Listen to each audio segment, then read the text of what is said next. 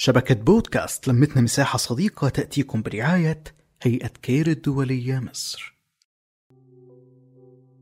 مرحبا أنا منى الرفاعي. لحظات عصيبة تطبع الألم بأقصى صورة في نفسها بشفرة حادة وفي أحسن الأحوال بمشرة طبي تذبح طفولتها. بسبب أفكار مغلوطة وعادات وتقاليد موروثة تورث قهرا للبنت وعبثا بجسدها ومصيرها بل وحياتها فكثيره هي أوجاعها التي عاشتها بصمت بلحظات من الانكسار تتحسر فقط لأنها خلقت أنثى. في مجتمعات تحقر من شأن المرأة من دون وجه حق. ونظرا لخطورة هذه الممارسات التي تعد انتهاكا لحقوق الإنسان لما تخلفه من آثار سلبية على نفسية وصحة المرأة. التقيت السيدة زهراء من السودان التي عاشت تجربة الختان. ونظرا لحساسية الموضوع فقد استخدمت اسما مستعارا وغيرت بنبرة صوتها بناء على طلبها. سألتها في البداية عن عادة الختان في المجتمع السوداني وما هي طقوسه فأجابت المجتمع خلاص الناس بقت واعية. لكن زمان لا ما بيختنوا بناتهم بيشوفوه عيب. بيشوفوه عيب بيستعروا منهم يعني. اهلنا زمان أنه فهموا كده. دي حاجة لقوا عليها أهلهم هم يمشوا عليها. كان زمان كانت القابلة بينادوها في البيت وبتعمل الختان وبتلموا الأهل.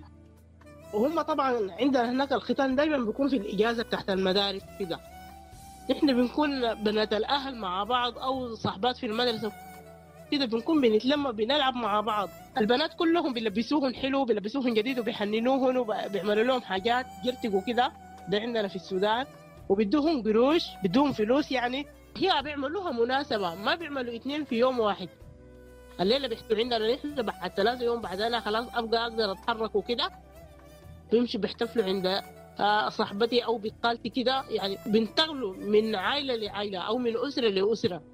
وهم ذاتهم يعني بيغروك بالهدايا وبيغروك بالفلوس قبل ما انت تخش في الموضوع قبل ما تشوف ذات الغابله دي شايله شنو في يدها شايله موس شايله سكين قبل انت ما تشوف الحاجة هم بيغروك بالحاجة اللي معاهم. عشان يعني انت ما, تكون خايف تكون متحمس للموضوع. كأنه وليمه فرح أو أقل منها يعني بالجيران والأهل وكده هم بيتلموا بيعملوا الكلام ده. وتضحك السيدة زهراء وتبكي بنفس الوقت. نظرا لطرافة قصة ختانها. وما شعرت به من آلام بعد ذلك. تقول أنا سبحان الله يعني كان بتذكر يعني الحتة دي أنا لسه ما قادره أنساها. أنا صحباتي كلهم اللي بلعب معاهم إنه كده ما في مدارس كان. كنا بتذكر أنا في أولى ابتدائي في ثانية ولا في ثالثه ما بتذكر. لكن كلهم طهروهم إلا أنا كلهم عملوا لنا الختان إلا أنا ما عملوا لي الختان. أنا ما فاهمة هو الختان آه جيت ببكي لأمي قلت لها إلا تعملوا لي حاجة زي اللي عملتوها للبنات. طبعا شفت الحنة بيحننوهن وبيلبسوهم ملابس جديدة وكده. الحاجة بتخليك انت ترغب تعملها لكن أنت أصلا ما فاهم أنت عملوا هم شنو. أنا شفت صاحباتي كلهم عملوا ده وبكونوا راقدين في السرير أنا بكون هي بتكون راقده في السرير ليه؟ أنا ما عارفة.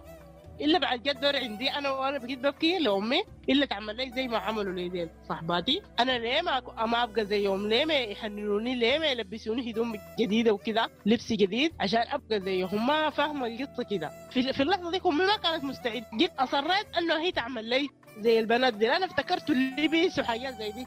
بعدين بس هو الموضوع تم أنا ما قايله هو كذا. بيجوا حنسوني وأنا طلعوني في السرير وببكي وما عارفة. انه هم دايرين يعملوا لي شنو؟ المهم مسكوني والموضوع تم.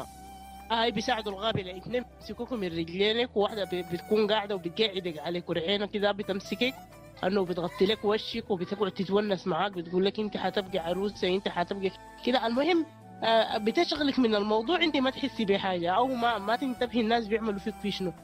بغطوا لك وشك عشان ما تشوف. ثم اتضح الأمر لها وبدأت تعاني منذ ذلك الوقت من أضرار الختان وعواقبه السيئة في حياتها وصحتها ونفسيتها.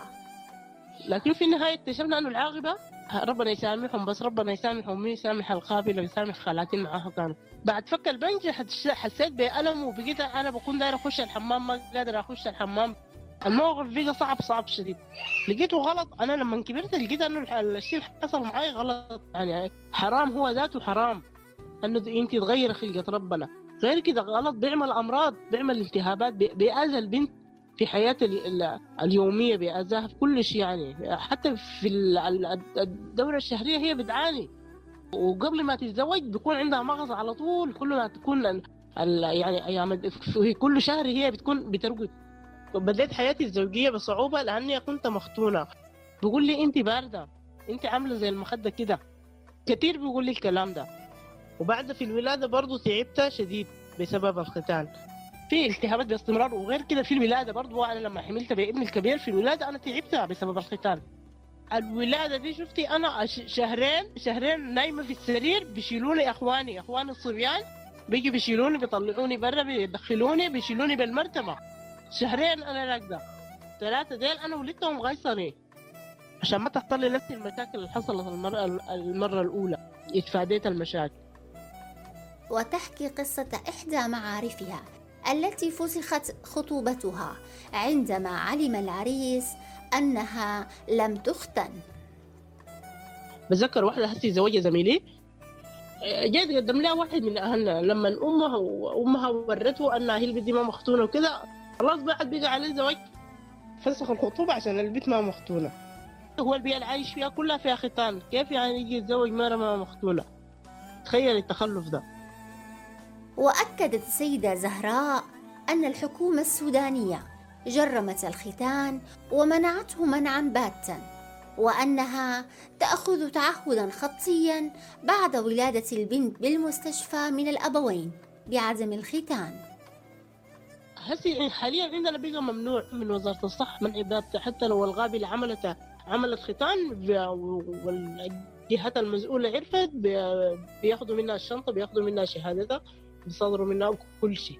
آه، في المستشفى لو بيطلعوك من العملية لو جبت بنت بيكتبوك تعهد وبيكتبوا زوجك ذاته وبيعملوا متابعة كل ستة أشهر للبنت بيشوفوا الحاصل عليها إيه. ما ما في زول يهبشها ما في زول يعمل عليها حاجة. وفي النهاية لا يسعنا إلا أن نشكر السيدة زهراء لمشاركتها معنا في حلقة الختان ودمتم بخير. نحكي نتشارك نتواصل.